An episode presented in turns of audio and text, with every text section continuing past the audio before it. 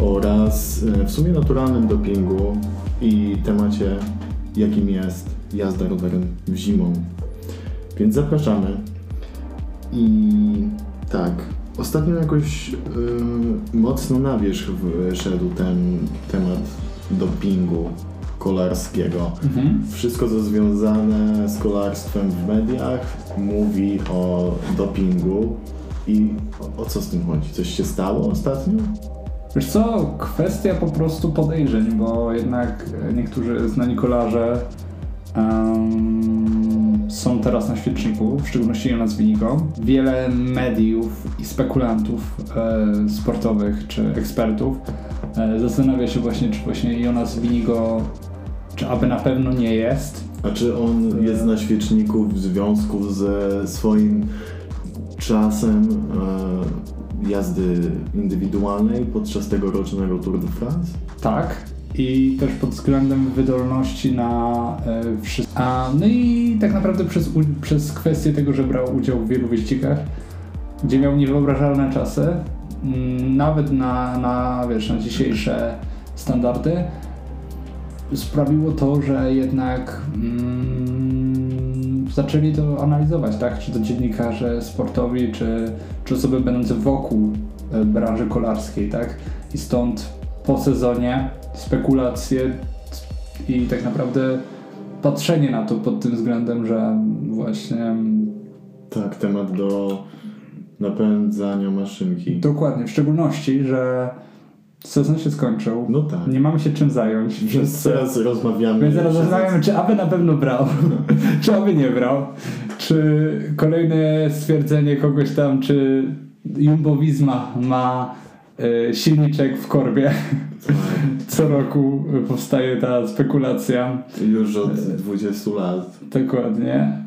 Y, pewnie na, za jakiś miesiąc wymyślą sobie coś innego jako spekulację. Ale tak naprawdę temat dopingu poruszyliśmy ostatnio. Napomknęliśmy o nim trochę, mm, bo wydaje mi się, że to jest zbyt obszerny temat, żeby go zostawić na jeden odcinek, na jedno wprowadzenie. Ku temu w ogóle wydaje mi się, że można byłoby stworzyć oddzielny podcast. Tak. A, ale no fakt faktem, temat jest obszerny. Wtedy zaczęliśmy o tym rozmawiać e, przy, wydaje mi się, poleceniu filmu Ikar. Mhm. Oglądałeś? Tak, pewnie. E, już jakiś czas temu widziałem ten dokument i kolarski, bo kolarski, ale przede wszystkim jest fajnie zrealizowany i naprawdę wiele można się dowiedzieć. Mm, czy to o psychologii brania tego dopingu, tego z czym to się wiąże, no i też można powiedzieć, że praktyce e, tego, jak na żywo wygląda w jakimś stopniu branie tego dopingu. Fajnie to obrazuje ten film. Zdecydowanie. E, a wiesz, że właśnie główny bohater tego filmu, em, który właśnie jest. On był chyba pomysłodawcą też mm -hmm. tego projektu? E, tak. on był w ogóle pomysłodawcą tego projektu, ale też główny bohater, który, który tak naprawdę ujawnił informację. E, a chodzi dokładnie o Georgija Rodczenko. Czy przepraszam, jeśli przeczytałem źle jego imię, nie umiem rosyjskiego. A, mówisz o tym naukowcu. E, tak. Okay. E, który ujawnił tak naprawdę całą machinę e, dopingu w Rosji. A jest już teraz e, świadkiem koronnym i osobą bardzo ochronioną. Tak, pamiętam, e, że już wówczas, nie wiem, to był 2017, tak, ten film, że tak. on się martwił o swoje życie. Tak. Jego rodzina dalej ma problemy związane z tym właśnie, co zrobił. No, ale jest cały czas pod ochroną pod ochroną amerykańskich żołnierzy. Nawet nie żołnierzy. E, Jakichś służb. Służb, dokładnie. E, służb, no i wiesz. No gościu, obstawiam, że KGB na pewno chce go cały czas odstrzelić. Jak nie jego, to, to, to jeszcze inne osoby z tym powiązane. A tak naprawdę od czego się z tym zaczęło? Mm. A w ogóle e, na wstępie, czy myślisz, że w tym momencie biorą coś kolarze, coś zażywają, co pomaga w, w wydolności, w sile? jakiś doping, jakąś formę dopingu. Powiem tak.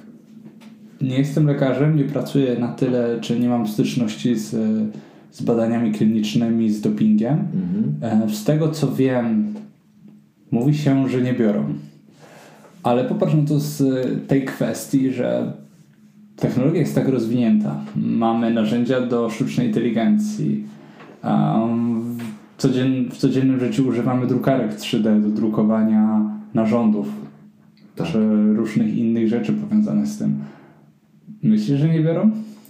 No właśnie chciałem powiedzieć, że w jakiejś formie, może innej niż EPO, yy, możliwe byłoby zatajenie tego faktu i nie mówię tego, żeby ujmować ich, e, ich wynikom, bo jeżeli wszyscy by to robili, e, tak żeby nie odpaść, powiedzmy, nie odczepić się od pociągu, no to wszyscy są wciąż w tym pociągu i są powiedzmy na tej samej półce, tak samo ciężko muszą harować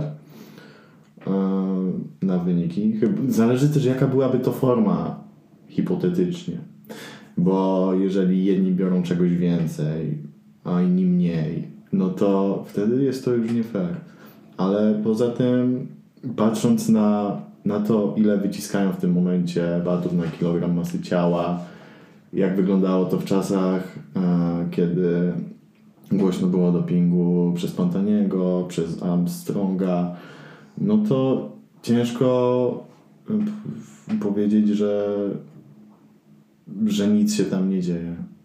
I tak jak mówiłem, dla mnie to jest ok. Fajnie byłoby tylko, gdyby to było transparentne. E, tak jak zaczyna to być na przykład w przemyśle bodybuilding Mhm, e, i tak dalej. No tutaj to jest wciąż temat tabu, ale no taka też natura. Wiesz, że mm, znany kolarz, który właśnie brał udział w Tour de France i był głównym rywalem mm, Lance Armstronga, pochodził z Niemiec i nagrano o nim teraz film. Jan Ulrich. Tak, dokładnie.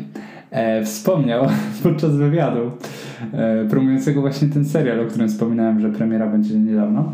E, wspomniał, że mm, on został zmuszany i jak mu powiedzieli, że nie będzie brał, to jest koniec z jego karierą. Tak, Wiesz, i tak- podobnie było z tak. tak. się wtrącę, bo y, on przyznał się swojej matce, że cała Unia, te teamy, według niego to jest jakaś mafia i, Mhm. i tak to właśnie wyglądało. No w to przecież wchodziły wielkie pieniądze y, i trzeba było się pokazać ze swoimi wynikami, których jakoś się nie da osiągnąć bez wsparcia. E, Więc- substancji, tak. No, A Wiesz co, ja też może wybieram teraz Pantaniego, może dlatego, że go lubię, ale, ale on też ma czemu wrażenie, go nie lubić? prawda? Kiedy wszyscy wtedy coś brali prawie. Tak, No, tylko tak sobie patrzę przez niego, że to w sumie był... Dobra, e, Apple może brał, może nie brał, ale lubię sobie zaćpać. Znaczy nie popieram tego, ale wiesz, jak tak popatrzysz na to, to każdy ma swoje słowa. każdy ma swoje słabości i tak jakby on chyba wolał bardziej zabawę, nie? Niż e, Tak. oprócz tego kolarstwa, tak jakby miał ten temperament, nie? Mhm. E, I, I ten tak jakby wydaje mi się luz i może, może dlatego też to dobiło. Um, no i wpłynęło tak naprawdę na niego w 100%, a jak nie w 100, to chociaż w jakiejś dużej ilości, nie? Mm, tak się zastanawiałem, od czego tutaj zacząć, bo temat dopingu jest bardzo szerokim dopingiem, e, bardzo szerokim tematem. Jest dopingiem i to jak? Tak, dokładnie. Um, no i ten temat jest na tyle rozległy, że stwierdziłem, że w tym odcinku opowiem bardziej od, pod względem może czasowym, jak to wyglądało, i od czego się tak naprawdę zaczęło. A myślałem, że od, y, pod względem teoretycznym, e, bo, bo myślałem, że powiesz, że coś brałeś przez ostatnie dwa miesiące i, i opowiesz o wynikach. Dobrze, fajnie. Y, To wiesz co, na nowy sezon, y, tak, zaczniemy tak robić. Jak na razie jest minus 8 stopni, totalny śnieg. I to jest dobry, dobry moment na poprawę swojej, swojego performance'u, ale o tym pogadamy później. Wiesz co, ja w tym przypadku się przerzucam na siłownię i daję odpocząć psychicznie rowerowi sobie. E, rowerowi się przyda. Tak. W szczególności, że wiesz, żeby nie mieć tego wypalenia, nie? Jak siądziesz, jak już będzie troszeczkę cieplej, na przykład 5 stopni. Nie? Um, no ale z czego się zaczęło? Um, dlatego, tak naprawdę doping Pierwsze użycie dopingu e, zostało wykryte w 1886 roku, czyli mega wcześnie. Znany właśnie walijski kolarz. Um, znany, nieznany. Na, te, na tamte czasy. Jakiś Van Nie, był znany bardziej z tego, że kolarzy było mało, którzy brali udział w jakichkolwiek wyścigach. No i został złapany właśnie na na dopingu, tak? Jakim? A ty jesteś ciekaw, co, z, z, czego korzystał? No jestem ciekaw, bo to był jeszcze 1880. Nawet zaskoczy cię bardziej, zmarł z tego powodu. Um, była to mieszanka kokainy, kofeiny i mhm. strychniny. Um, I wszystkie te suplementy, rzeczy, dopingi, które zostały tak jakby zawarte w jedną rzecz, e, sprawiły to, że nie przeżył tego. Um, to jest taki początkowy w sumie starter pack tak. do tych wyścigów pierwszych profesjonalnych, e, pierwszych World Tourów, kiedy nie było nad tym e, żadnej normalizacji. Mhm, tak. Więc wtedy się tym posiłkowano. W szczególności, że to było właśnie podczas właśnie wyścigu Bordeaux-Paris, nie? I, i, i który, który, który na tamte czasy był popularnym wyścigiem. Stąd możemy to uznać za, w ramach czasowych za rzecz i incydent, który był, pojawił się pierwszy. No, dla mnie to jest szokujące, wiesz, rowery, które no, mm, nie wyglądały prawie jak rowery, nie? I tak jakby wszystko... konstrukcje z wielkim kołem? No to tak. No tak, to był ten okres, wiesz, zresztą kto nie jest ciekaw, jak to wszystko wyglądało, mhm. polecam zacząć nawet od pierwszego odcinka naszego, w którym opowiadaliśmy o temacie mm, wozów technicznych, nie? Gdzie, jak to w ogóle wyglądało, a co dopiero wiesz. 1886 i technologia, którą używali, to no. już wtedy chcieli brać, nie? I to jednak pokazuje naszą ludzką naturę, nie? Jeszcze nie było Coca-Coli po Ta. tym roku. 1896 powstała receptura. Więc może on stworzył Coca-Colę. Może to był, może to był właśnie yy, pretekst do stworzenia Coca-Coli. Ale Armstrong nie ma nic wspólnego z McDonaldem, nie? Jeszcze nie wiem. e, Okej. Mm, no i co ciekawe, raport właśnie Międzynarodowego Komitetu Olimpijskiego e, po ponad 110, a nawet 111 latach pokazał to, że w tamtym okresie mieszanie tych substancji była to bardzo powszechna praktyka, ale legalna. Z rzeczy, które stosowano, była także nitrogliceryna, mhm. um, która w tamtych latach była używana właśnie do stymulowania serca po zawałach i przypisywano jej poprawę e, i wydolność oddechową. Kurczę, tak sobie myślisz. Poprawę wydolności. Tak, dokładnie. A, a sobie tak teraz myślę, że patrz, oprócz tego, że rowery były tak słabo rozwinięte pod względem technologicznym, pojazdy, inne rzeczy, a co dopiero substancje i lekarstwa. E, wiesz, w dzisiejszych czasach mamy wszystko w jednej tabletce i albo bardzo łatwo ułatwione, nie? Kupujemy na, można powiedzieć, na, na darknecie, darkwebie. Tak? I możemy, no tak, przecież trzeba się przygotować do sezonu. Um, no i wiesz, kupujemy to wszystko na darkwebie, mamy dostępność prawie od ręki, a w tamtych czasach, wiesz, wykombinować to, dostać. E, a może paradoksalnie właśnie było to prostsze wtedy. Ale też nie kosztowało Ale nie, no mało. kosztowało mało, tak. A wiesz, w dzisiejszych czasach kupujesz jakąś kryptowalutę, masz to, nie? Co ciekawe, na początku latach lat na początku lat 2000 e, kolejny przypadek też z Walii, ciekawe, może tam była kolebka ćpunów e, kolarskich. Um, Świrków. Tak. Medialnych. Przypadkiem właśnie kolejnej śmierci był Jimmy Michael. Mm, to brzmi jak gwiazda roka. Może był rockmana, wiesz, to, to był początek XX e, wieku, więc wiesz, nie wyszło jako kolarz, został rockmanem. Um, teraz to pewnie byłoby łatwiejsze, nie? Albo influencerem. Um, ale wtedy nie było Instagrama, TikToka i Facebooka, więc no, mieli trochę ciężej z przebranżowieniem się. Um, I Jimmy Michael zmarł właśnie w wieku 27 lat. Um, oczywiście. Klub 27. Proszę, tak, dokładnie. E, Klub 27. E, to może był Rockmanem jednak.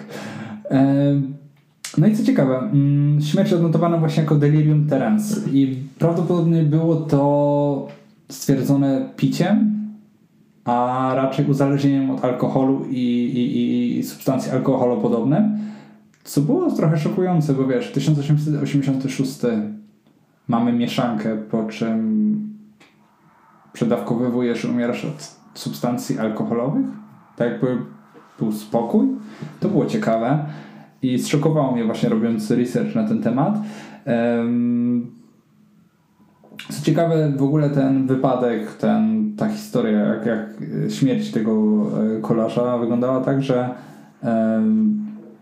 wziął on e, tą miksturę substancji, po czym e, po pięciu okrążeniach nagle padł. Tak jakby odcięło ci prąd i wiesz, jechał, jechał, jechał, gleba, koniec.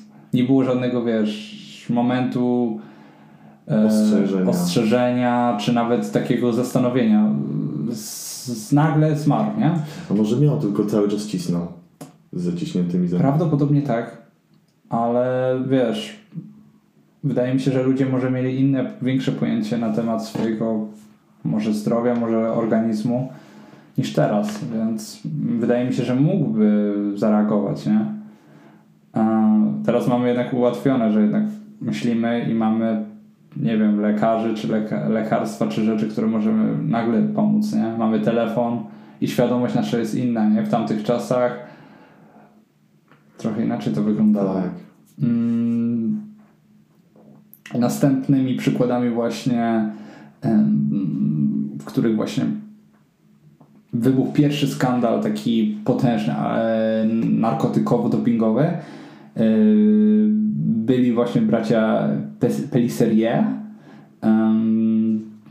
i w 1924 roku udzielili niezwykłego wywiadu dziennikarzowi e, Albertowi Londresowi, e, przyznając się, że użyli strychniny, czyli substancja, która już była użyta wcześniej, kokainy, chloroformu, aspiryny, maści końskiej i innych lekach, aby kontynuować w Tour de France. Wywiad był szokujący i opisali go nawet w gazecie Le Petit Parisien e, pod tytułem Skazańcy z drogi, tłumacząc oczywiście na polski, bo nie będziemy tutaj starać się pletywać e, rzeczy po francusku. I najgorsze było to, co cię naprawdę zszokuje, że akceptacja właśnie narkotyków w Tour de France e, do 1930 roku była tak kompletna, że księga zasad dystrybuowana właśnie przez e, organizatora, organizatora e, wspominała o tym, że jako organizacja, która organizuje Tour de France, nie zapewni kolarzom narkotyków czy dopingu. Oni mówili o tym wprost, rozumiesz? Okej, okay. jakby, sami możecie sobie coś tak, kombinować. Idziesz do pracy i tak jakby pracodawca ci mówi, że no nie zapewnicie alkoholu, żeby się dzisiaj nie napił, nie? Albo wyobraźmy sobie, że dzisiaj e, e, organizator nie gwarantuje narkotyków, ale są kity do kupienia i sponsorzy je kupują, mamy sponsorów narkotyków. Czy teamy kolarskie, nie? Teamy kolarskie, e, cocaine. No, mi to dosłownie zryło głowę, jak tylko, wiesz, usłyszałem o tym, bo kaman. Ale to pasuje nawet do tych czasów, ale wciąż mm, ciekawe. Transparentność i to jest to. to, czego potrzeba. No bo nawet czy- gdyby, no, no bo wiadomo, wtedy na przykład wszyscy wiedzą, ok, oni coś tam ćpają, biorą y, podczas jazdy na rowerze i to jest takie, nie wiem, może cool było dla ludzi, dla, dla ludzi oglądających, że to jest taki performance, że tylko oni mogą coś zażywać, bo tym bardziej, że jest ciężko dostępne to, e, co zażywali wówczas. Wydaje mi się, że było ciężko dostępne. No i wyobraźmy sobie, że teraz jest jakiś e, typ e, dopingu, który jest dostępny tylko dla elity kolarskiej i wszyscy o tym wiedzą. To by była ciekawa zmiana perspektywy. Tak mi się wydaje. To na pewno ma jakąś, jakieś przesłanie. To jest przesłanie Pablo Coelho. No. Ale wiesz, mm, może masz rację, a może po prostu kult sportu w tamtych latach był większy niż teraz. Albo był mniejszy i dlatego tak nie chciano. Może był mniejszy i ludzie po prostu nie zwracali na to uwagi, a teraz chcą być fair. A może teraz w tamtych latach o idola w kolarstwie, czy, czy szacunek tak jakby do sportu był większy niż teraz. A może wcale to też nie było takie jawne, bo dopiero teraz wiemy o tym, że oni mieli ze sobą substancje wspomagające, które zażywali w czasie wyścigów, a może osoby postronne o tym nie wiedziały za bardzo. Ale come on, przechodząc, gdzie już później poruszymy ten temat, no to lata 2090, które no, są nam bliskie, bo w tamtych latach się urodziliśmy, więc w latach 90., więc dla nas to jest no, krótki okres czasu i lata tak naprawdę od 1886 nawet do 96 Ale to w Tak, kiedy- 96 wciąż narkotyki były legalne? no nie były legalne. No nie były. ale były nadal na porządku dziennym i to się nie zmieniło przez tyle lat. To dalej był kult i tak W sensie, dalej to, to tak dla nas świeżych czasów wydaje mi się nawet dla naszych słuchaczy świeżych czasów to było nadal, wiesz mm, no bo zażywano jawnie wtedy na przykład kokainę w Tour de France w 96? no już nie. No nie. No ale dalej były duże afery związane z tym. Okej. tak jak te 110 lat wcześniej. No ale przechodząc dalej, bo możemy ten temat em, rozwijać i rozwijać i rozwijać, em, a jednak chronologicznie warto byłoby iść ku górze. Em, największym przykładem właśnie tego, gdzie osoby, która została wykryta, był Fausto Coppi. Na pewno go kojarzy jako kolarza. Mhm. Na pewno interesując się kolarstwem miałeś styczność e, czytając o nim, czy, czy dowiadując się. W wywiadzie właśnie dla telewizji po wyścigu przyznał się, że i tutaj temat, który już dąży i tak jakby był popularny przez wiele kolejnych lat, przyznał się, że korzystali, korzystał z amfetaminy do, mm, do bycia konkurencyjnym i tak naprawdę wygrywania. E, Powiedział to podczas wywiadu w telewizji, gdzie no jeszcze nie było testów antydopingowych. Tak. Em, Co jest sekretem? co jest sekretem w ogóle Pańskiej formę w tym sezonie. Tak. Zażywałem metamfetaminy. Ale wiecie, mm, tak mnie nikt nie przetestuje, nie dorzucicie mnie za to nic, więc Hmm, Mogę? Metamfetamina. Hmm. hmm, co, co to jest, nie? No. Ale metamfetamina, jak niewiele osób wie albo wie właśnie, została stworzona do wojska, e, a szczególnie do wojska amerykańskiego, aby utrzymać właśnie załogę lotniczą, marynarkę wojenną? E, tak, na nogach i sportowcy po wojnie stwierdzili, że jest to bardzo dobra substancja, aby być czujnym i energicznym. Nie no, tak zakładali akurat Amerykanie, którzy stworzyli tą substancję, ale mm, oni stwierdzili, że warto byłoby to przenieść do swojego życia, nie? Tak jak, nie wiem, em, wiele innych rzeczy my przenieśliśmy do swojego życia i nie jest to no, narkotyki i, i doping. Całe szczęście. Em, co ciekawe, Kopi powiedział też, że pewnego dnia wezmę niewłaściwą pi- pigułkę i pedałuję do tyłu.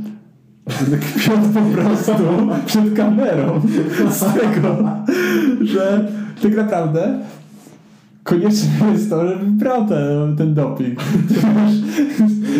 Jego poczucie humoru pokazało, że spinają się kawał. I wtedy wszyscy się śmiali. Dokładnie. Myślę, że tak. Ale wiesz, ludzie wtedy w telewizji stwierdzili, mmm, spoko, no to niech bierze. To tak obstawiam.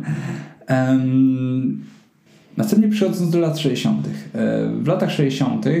jednym z takich pierwszych y, kolejnych głośnych wypadków e, w kolarstwie e, przy użyciu substancji był właśnie upadek i pęknięcie czaszki przez kolarza Nuda Enmarka Jansena z Danii, który uczestniczył tak naprawdę w, w tych igrzyskach. Oczywiście był pod wpływem amfetaminy i podczas jazdy na 100 km Oczywiście. Upadł. Um, upadł tak, że pękła czaszka. Um, no ale sekcja zwłok, która wydaje mi się, że już wtedy też um, wykrywanie takich substancji w organizmie było łatwiejsze niż w latach 30. wykazała, że wziął amfetaminę i inne leki i substancje, które były pochodne temu, jak na przykład ronikol, a także bezpośredni środek, który wpływał na rozszerzanie naczyń krwionośnych e, i zaczerwienienie ich, zwiększenie krwinek czerwonych, a także miał, mógł obniżać krwi, obniżać krew. Mm, wykryto także, że połknął 8 tabletek fen, fenylopropylaminy, 15 tabletek amfetaminy i 2 litry kawy. Okej, okay, niezły koktajl. To. W ogóle to, to nie jest tak, że te substancje dodają energii. To znaczy one dodają energii, ale głównie robią też zmyłkę mhm. mózgowi i trochę znieczulają ten mózg na odbieranie z bodźców, takich jak zmęczenie, fatygowanie i tak dalej. Więc biorąc tak, że ciśniemy organizm i to jest tak jakbyśmy katowali silnik i nie zwracali uwagi na wskazówkę temperatury oleju. W końcu coś pęknie w tym silniku i tak pękło wiele razy w historii sportu, no i tak samo tutaj chyba, tak? Tak, yy, szczególnie, że jak słyszysz nawet na dzisiejsze czasy, ta ilość no. jest ogromna, nie? Chyba, że jakoś proporcjonalnie, nie wiem, inaczej wyglądało stężenie tych substancji no, na tabletkę, ale wciąż brzmi to jak jakiś shake mocny. Mocny shake. Śmiać się, nie śmiać. Mnie to załamało, jak to czytałem. I powiem ci, że wiedziałem, że Skandynawowie są mocni, ale że aż tak. um, ale co jeszcze ciekawe, lata 60. były już początkiem czystek. Teoretycznie czystek, bo mm, zaczęto kontrolować. Ze względu Zaczę... na te wypadki? Zaczęto na wypadki, na, na to, że kolarze, wiesz, mieli aż nad wyraz niektórzy super wyniki. Druga połowa y, lat 60., a dokładnie data 1 czerwca 65 rok, była przełomowa dla dopingu, ponieważ, a raczej dla historii dopingu, ponieważ był to, była to data, podczas której zakazano używania substancji dopingowych i leków zwiększających wydolność. Pierwszymi z kolarzy, którzy zostali złapani, było, byli co ciekawi amatorzy. Co amatorzy? Prawda? Tak, hiszpańscy amatorzy. E, I byli to Luis Santamarina, Canet i Usi, Usa Mentiga. Wśród nich był też jeden Brytyjczyk, Ken Hill. Zostali właśnie zarzuceni z tego wyścigu, um, kiedy pobrano im próbkę. E, a, a profesor, który ich badał, e, nazywał się Arnold Beckert, albo Beckett, e, po raz pierwszy zastosował właśnie mm, techniki chromatografii gazowej do monitorowania właśnie nadużywania tych narkotyków. Były to, można powiedzieć, pierwszy, jeden z pierwszych testów, a też sposobów badania. Data 29 lipca była szokująca, bo właśnie na Tour de France tegoż samego roku, czyli 65, rozpoczęły się testy mm, na doping. E, pierwszą z osób, która mm, została przetestowana i zbadana e, podczas właśnie etapu Tour de France był Raymond Pulidor. Nie wiem, czy kojarzysz Raymonda Pulidora? Coś mi mówi nazwisko. Nazwisko może ci coś mówi z kwestii tego, że był znany w tamtych latach, ale ciekawszą rzeczą związaną z tym jest to, że jest dziadkiem bardzo znanego obecnie kolarza, jeżdżącego w teamie Sudal Quickstep, a dokładnie Matthew Vanderpoola. To ten Pulidor. Tak. Pulidor? Pulidor. Pulidor. Raymond Pulidor. Okej. Okay. Um, no to, tak. To ci coś przypomniało. No. E, I co ciekawe, mm, Opowiadał właśnie w wywiadzie, jak wyglądała ta historia ze złapaniem, z, z, z przebadaniem. E, że idąc korytarzem e, po wyścigu, nagle podeszło do niego dwóch facetów, ubranych na czarno. e, I spytali go, czy jest kolarzem, nie? Zachęcili, żeby sobie wszedł do pokoju. Do dzisiejszych czasach masz paszport biologiczny, który no jednak jest dużo bardziej kontrolowany. Kolarz może nagle e, dostać wiadomość, że musi będąc, wiesz, zawodowym kolarstwie musi wiedzieć i mówić o tym, gdzie jest i tak naprawdę do kilku godzin e, dostaje informacje, musi dać informacje tak, żeby właśnie e, lekarz, który go będzie badał, czy, czy osoba, która będzie odpowiedzialna za jego badanie e, wyrywkowe, mogła go sprawdzić, tak? Czyli tak naprawdę jesteś więźniem e, chcąc się ścigać w w zawodowym kolarstwie jesteś więźniem tak naprawdę um, dopingu, nie? Znaczy badania przed dopingiem i to jest też przerażające po części, nie? No ale historia pokazuje to, że przez co coś musiało być, tak? Tak. Um, kolejną osobą, e, też w latach 60., e, która mm, była złapana i przetestowana był właśnie Eddie Merckx. E, było to podczas e, etapu Giro d'Italia, który odbył się w 69. E, po prowadzeniu przez 16 etapów stwierdzili, że coś jest hmm, nie tak. Coś jest nie tak. no i Merckx został przebadany, przetestowany. No i wyszło, że, mm, że brał substancje.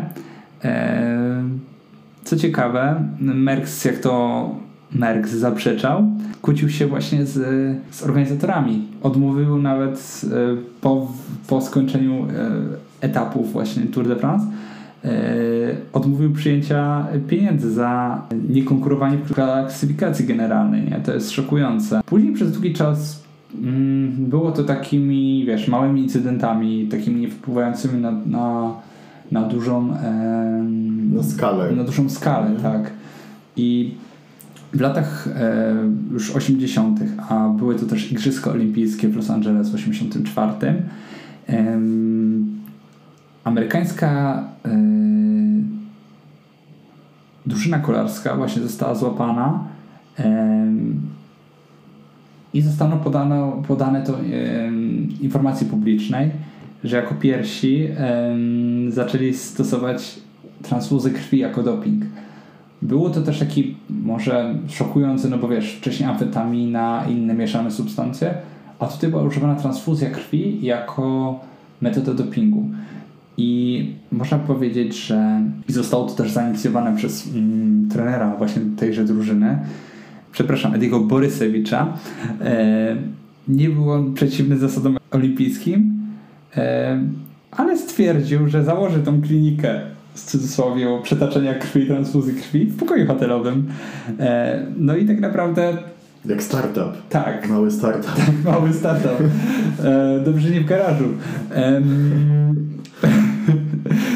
no i tak naprawdę e, czterech e, z siedmiu zawodników, którzy mieli przetaczoną krew, e, mieli transfuzję krwi, zdobyło złote medale.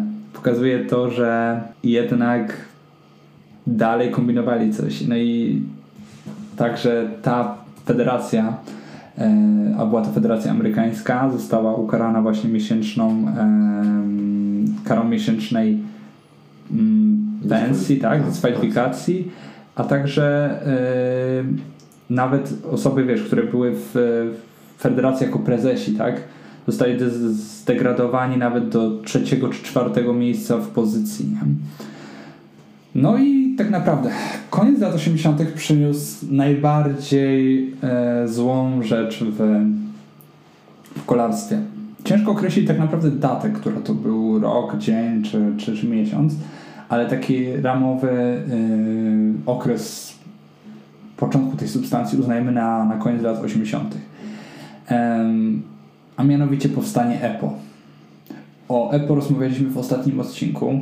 Mm, jest to bardzo specyficzna substancja. Tak naprawdę jej celem było stworzenie mm, i powodem, dlaczego została stworzona, były osoby tak naprawdę cierpiące na niewydolność nerek. Ale jak to substancje, które są dozwolone, niedozwolone, mm, często przy pomocy lekarzy zaczynają stosować sportowcy. I tak było właśnie w, w kolarstwie. Co ciekawe, EPO opracowała firma Amgen, która była firmą farmaceutyczną. I tak naprawdę początkowo EPO było nazywane i tak naprawdę i powodem jego stworzenia i tak jakby clue czym jest było właśnie to, że jest sztucznie i bioedukowaną i produkowaną kopią właśnie hormonu, e, które, które wytwarzają nerki. Um, a przez to w tamtych czasach on nie był na tyle wykrywalny. Um, co ciekawe, EPO jako substancja e, stymuluje szpik kostny właśnie w celu powiększenia produkcji czerwonych kwinek, a tym samym e, zdolność organizmu do przenoszenia tlenu. I to pokazuje to, że rzecz, która miała pomóc tak naprawdę ludzkości, została użyta przeciwko, wydaje mi się, celom, jakich była stworzona, tak? Tak. Miała pomagać osobom, które miały po prostu problemy z nerkami. Ktoś podchwycił. E, no i w pewnym momencie, mm, kiedy zaczęto właśnie korzystać z, z EPO, dużo kolarzy mm, zmarło, a w szczególności było to 18, aż 18 zawodowych e, zawodników i to w okresie od 1987 do 1991 roku. I no, podejście lekarzy i właśnie specjalistów, e, którzy byli wokół tego stwierdzili, że coś jest nie tak i, i i było głośno, kiedy właśnie zostały, um, zostały złapane osoby tak, związane z tym. Um, ostatnim z takich przełomowych i głośnych afer, oprócz tych, które były i które znamy, które, którymi były afery właśnie z Pantanim, z ikonami takimi jak Pantanim e, czy Lance Armstrong, była też afera Festinem której tak naprawdę mm, historia i akcja miała zarys w 1998 roku podczas Tour de France, gdzie tak naprawdę w samochodzie ich podczas e, transportu wykryto dużą ilość substancji, gdzie przejeżdżali tak naprawdę podczas przez granicę, tak? E, no i to też miało ogromny wpływ pod takim względem, że zapoczątkowało y, kontrolowanie tych zespołów, tych samochodów technicznych, kontrolowanie przez policję, przez inne organy i zaczęto tak naprawdę dochodzenie. Wydaje mi się, że też to dochodzenie było tak trochę po łebkach, bo widzimy jak Armstrong długo mógł korzystać i udawali, że to nie istnieje. Ale ta afera też pokazała, co jest dużym problemem i tak naprawdę ujawniła ten duży rozgłos, który był związany z tym, że jednak no, w tamtych czasach było używane, tak? E, a co dopiero później, nie? A w ostatnim okresie były jakieś sytuacje związane z dopingiem? Kojarzę, że coś był kręcony Mark Cavendish, Tak. Chris Froome, ale jakoś przeszło to mm, bokiem, bo okazało się, że nic nie wykryto w Tak, ich systemach. e, to prawda. Em, Prawdopodobnie tak było, finalnie tak było, ale aferą głośną, w której wykryto substancję, był właśnie kolumbijski kolarz e, Nairo Quintana. E, Jeździł wtedy dla RK Samsic e, i został zdyskwalifikowany e, z szóstego miejsca, tak naprawdę wykluczony z tego wyścigu, e, ponieważ wykryto u niego tramadol. E, a tramadol został zakazany właśnie poprzez mm, prawo Unii Kolarskiej dwa lata wcześniej, a nawet trzy, bo był to 1 marzec 2019 roku Mm, i miał on chronić tak naprawdę kolarzy, a także był nadużywany przez innych, wiesz, amatorów czy, czy osób związanych z tym.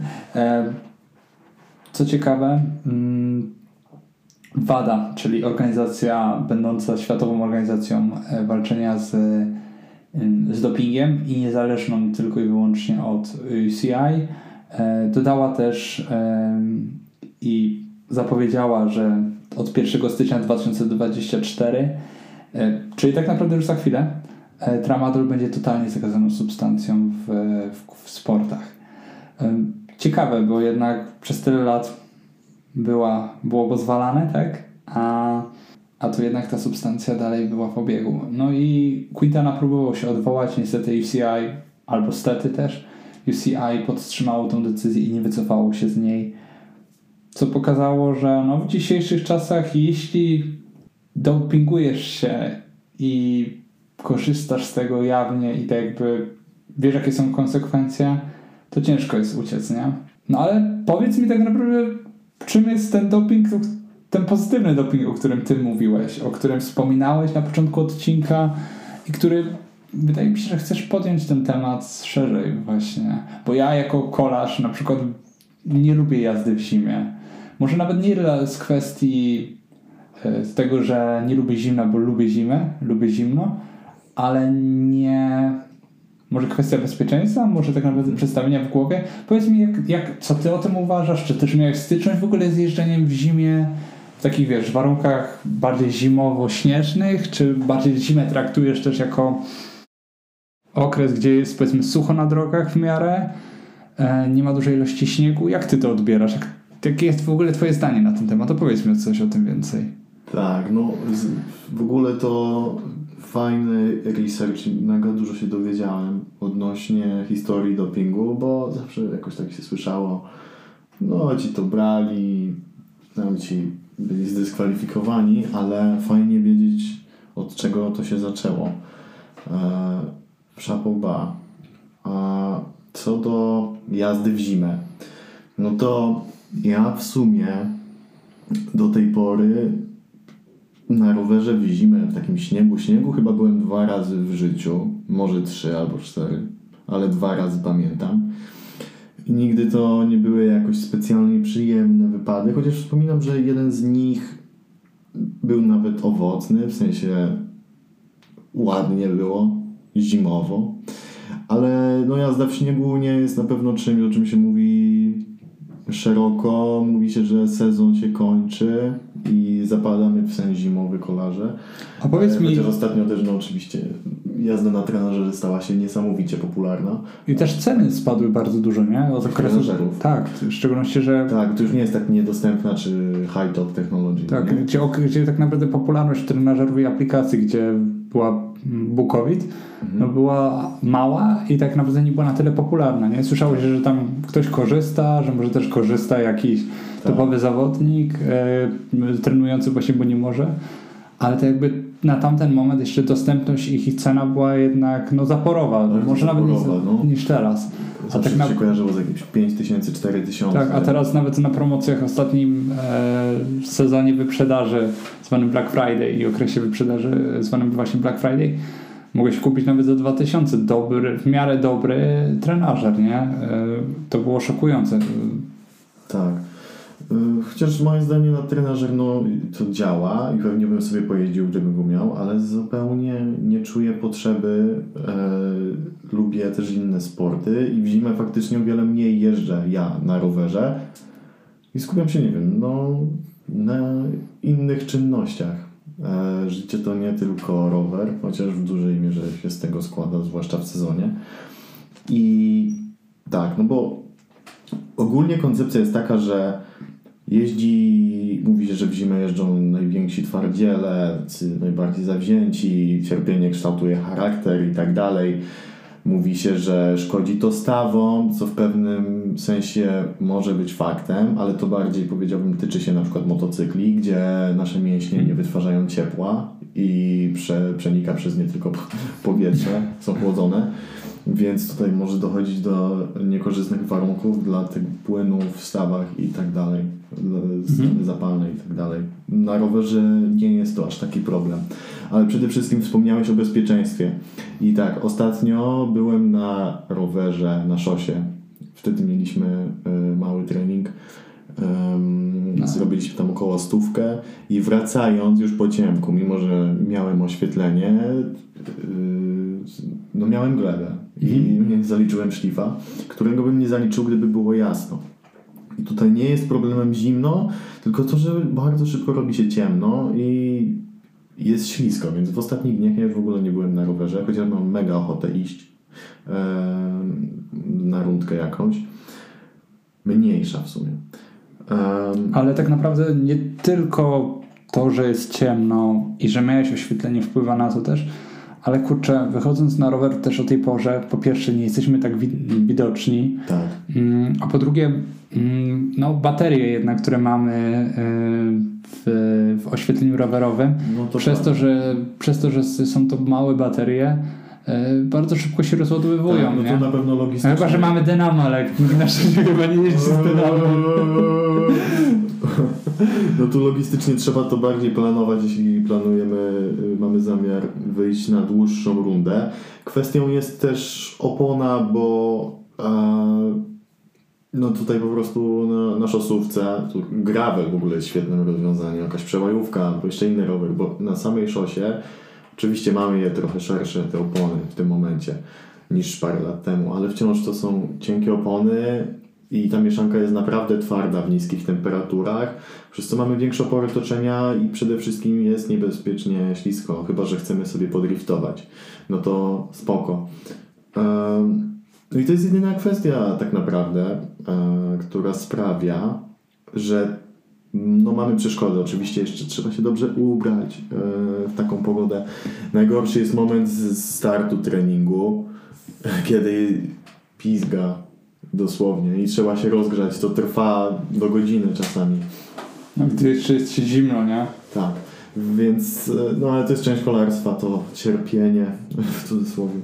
Więc to są takie kwestie, które mogą przeszkadzać i mi do tej pory dosyć przeszkadzają. Chociaż najbardziej no to ta aura y, zimowa, to, że jest szklanka na drodze, zwłaszcza w tym momencie, dawno nie było tak zimnego listopada. E, no i fakt, że robi się bardzo szybko ciemno.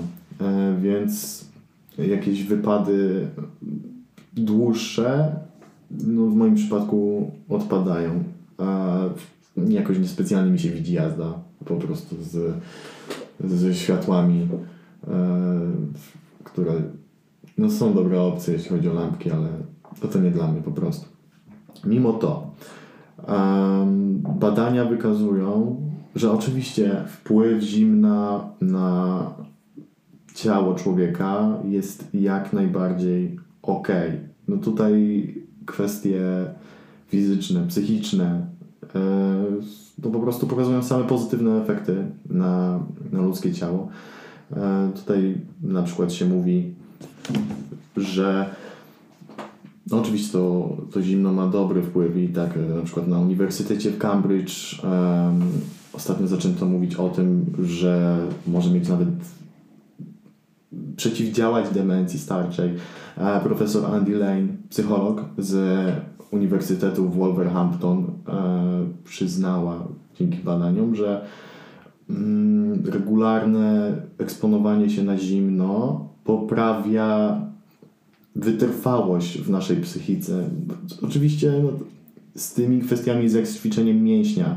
Czyli jeśli jesteśmy zdyscyplinowani, no ćwiczymy jak mięsień tą dyscyplinę i ją utrwalamy. Tak samo jest z eksponowaniem się na zimno, e, które przekłada się na to, że łatwiej nam będzie psychologicznie, z strony psychologicznej po prostu żyć i, i być zdyscyplinowanym, czy mm, uzyskiwać cel, jaki sobie e, kolarski czy życiowy ustawiliśmy.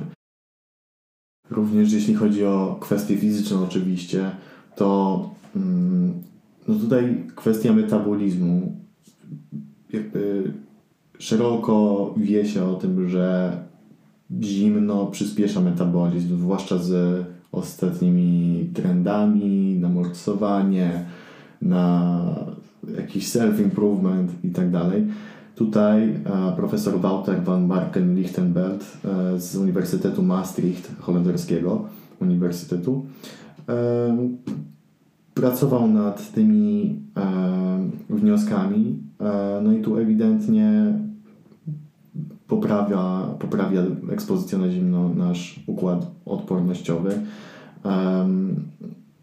Nawet gdy śpimy, możemy sobie pomóc i przyspieszyć nasz metabolizm, jeśli po prostu wyłączymy termostat na przykład na noc i będziemy spali w zimnym pokoju. Na przykład teraz mamy za oknem minus 8 stopni, wyłączamy grzejnik, to już poprawia do około, do około 10%, przyspiesza e, metabolizm. A ubieramy się wtedy w miarę ciepło, czy po prostu jesteśmy ubrani tak jak byliśmy wcześniej i hartujemy w cudzysłowie ten organizm?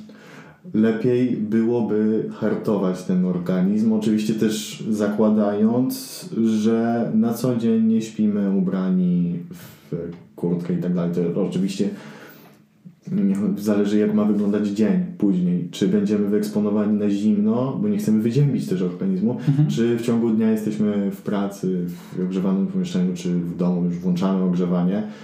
Więc tu są zmienne i na początek, jeśli na przykład chcemy się dostosować do nowej normy, czyli spanie w zimnie, bądź sobie fundować co jakiś czas taką zimniejszą noc, no to z mojej perspektywy ja bym polecał zostanie w tych samych ubraniach i po prostu zobaczenie, jak się czujemy w następnych, po, po obudzeniu po prostu. Mhm. Co ciekawe, ostatnio zaczęto prowadzić badania nad tak zwaną brunatną tkanką tłuszczową. To jest tkanka tłuszczowa różniąca się od białej tym, że ona poprzez metabolizowanie lipidów, e, czyli kwasów tłuszczowych i glukozy e, wytwarza ciepło e, w wyniku właśnie spalania tych kwasów i, i glukozy. Zwykła tkanka tłuszczowa biała jedynie chroni nasze mięśnie przed wyziębieniem, a tutaj ta tkanka tłuszczowa brunatna zapobiega i działa trochę jak. To działa w ogóle na zasadzie termogenezy tak zwanej drżeniowej. To jest termogeneza, gdzie ciepło jest wytwarzane poprzez kurcze włókien mięśniowych, czyli jedziemy na rowerze, używamy nóg, one najszybciej się rozgrzewają, później całe ciało się rozgrzewa.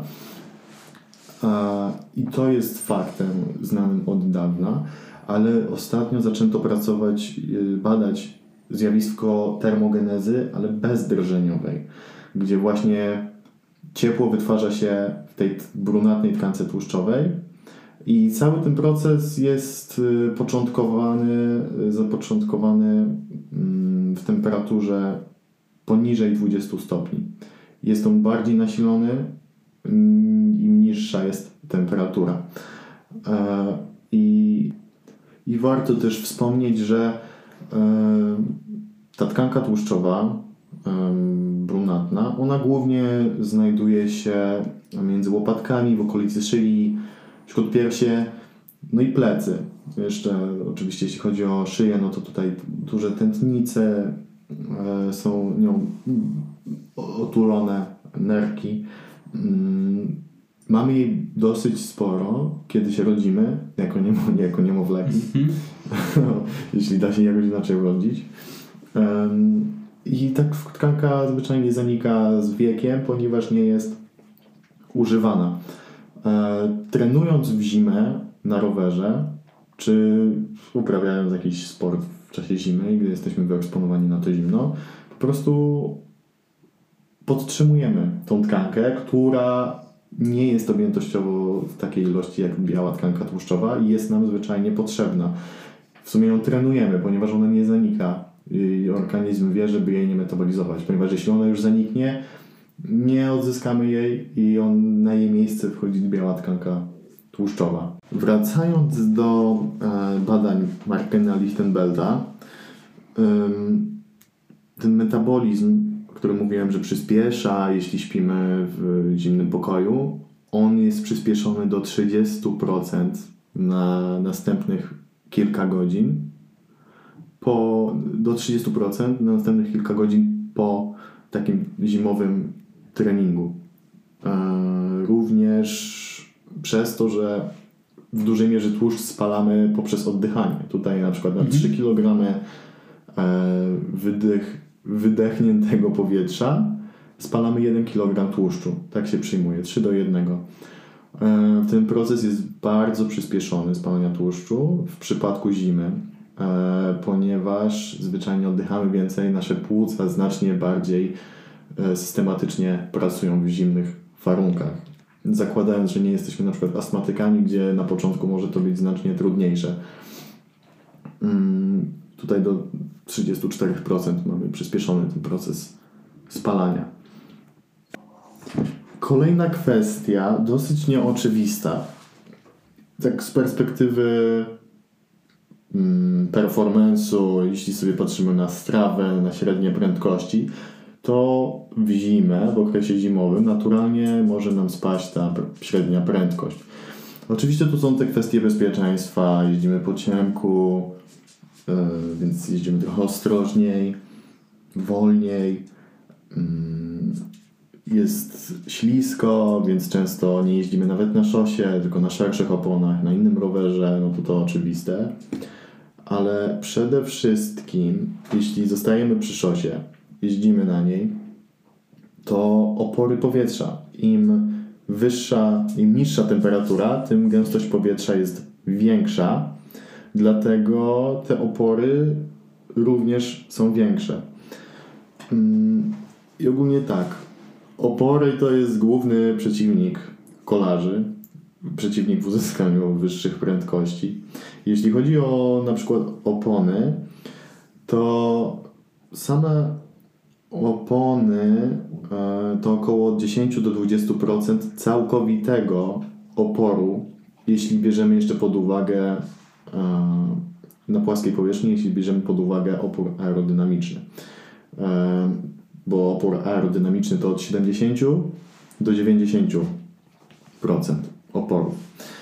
I tutaj kwestia opon, jeśli bierzemy pod uwagę na przykład szerokość 28%, to szersze takie opony w zimę, w sensie opony 28 w zimę mogą być wolniejsze o 5%, jednak całościowo to jest niespełna 1% całościowego oporu, więc to nie jest ogromna różnica.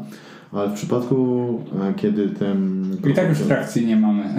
tak, do odcinki kręcimy. E, w przypadku, gdzie, gdzie nasz proporcjonalnie nasz, e, nasz rozmiar i, i rower ma wpływ na ten opór aerodynamiczny, no to to już do 5% może być wyższe w czasie zimy ten opór powietrza.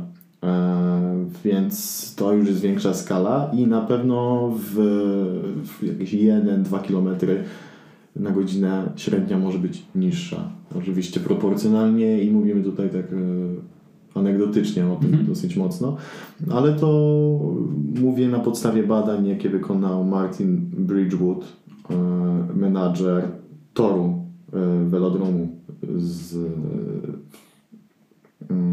który w 2012 e, w, Londynie, w Londynie na Olimpiadzie był tym menadżerem.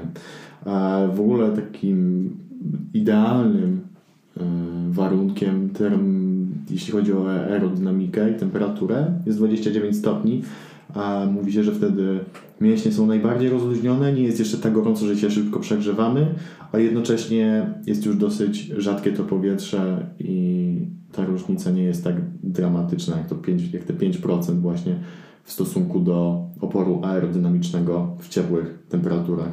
Przez ciepłe mam na myśli 8 stopni wzwyż, bo już problem zaczyna się poniżej tych 8 stopni w temperaturze powietrza. Więc czy chcecie jeździć zimą, czy nie? Myślę, że to kwestia bardzo, bardzo indywidualna. Do tego, jak się macie do zimy, jak się macie do zimnych temperatur, jak się macie do roweru, co robicie. Y, ja w tym momencie chcę wrócić po tej mojej glebie do jazdy rowerowej zimą. Na pewno nie w tak dużej częstotliwości jak w sezonie letnim i wiosennym, ale już y, nóżki tupią, że tak powiem, kiedy widzę rower, więc e, widzimy się na, na szosie, mam nadzieję. Też mam taką nadzieję, w szczególności, że ja też zaliczyłem szlipa tak. trochę później, ale nie aż tak y, mocnego jak ty.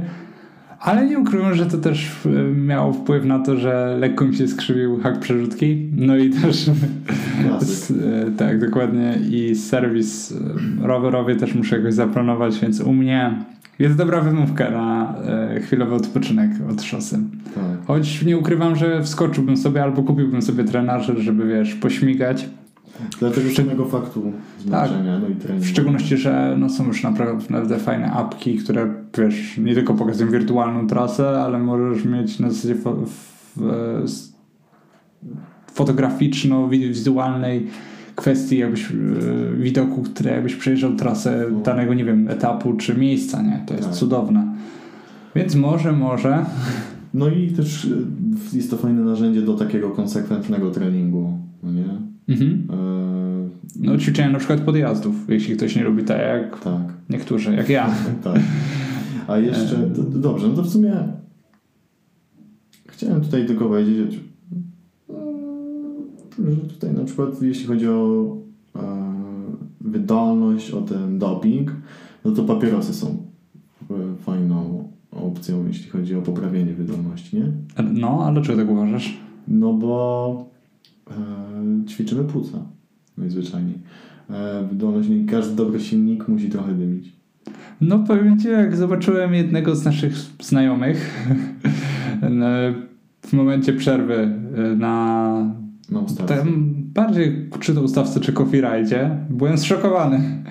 A no, miał super wydolność. Tak. E... Więc e, nie dajmy się mitom, jak najbardziej można palić papierosa, wydolność równa się good. Więc... Ale pod wpływem alkoholu nie, jeźdź, nie, nie jedźcie na rowerze. Nie, nie. E, nie polecamy. Dobrze, w takim razie co byłoby na tyle w dzisiejszym odcinku.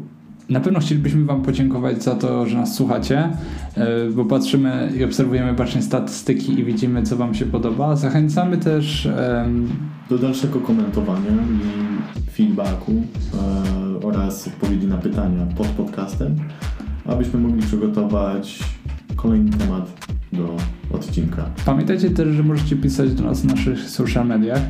E, mamy profil na dawnym Twitterze, czyli x.com a także na Instagramie. Oczywiście pod nazwą Strada Clubhouse. E, więc zachęcamy czy to do jakiegoś feedbacku, czy do tak naprawdę rozmowy, nie? E, I oczywiście do obserwowania. Tak, zapraszamy i do usłyszenia niebawem. Ciao. Ciao.